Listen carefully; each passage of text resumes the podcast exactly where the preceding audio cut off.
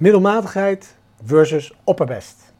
Hoe je kunt voorkomen dat je midden op een ruige berg vast komt te zitten. Boek Die Empty van Todd Henry. Een belangrijk deel van ons werk is het bereiken van het hoogtepunt van ons potentieel. Maar wat is het alternatief? Wist je dat de Latijnse wortel van het woord middelmatig letterlijk betekent vastkomen te zitten in het midden van een ruige berg? Ja, medius is midden, ocris is ruige berg. Samen middelmatigheid. Dat is niet waar wij vast willen komen te zitten. Hoe komen we door dat halverwege punt en bereiken we de top van ons potentieel? Laten we voor enkele aanwijzingen eens even kijken in ons boek met synoniemen.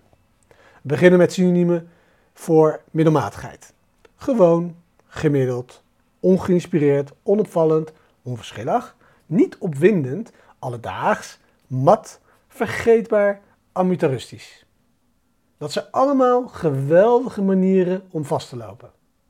Maar raad eens, er is één tegengestelde betekenis voor middelmatigheid. Kun je raden wat het is? Opperbest. Dat is het ticket. Opperbest. Wanneer we die onvermijdelijke moeilijke plekken op de Ruigenberg tegenkomen, moeten we op ons opperbest verschijnen.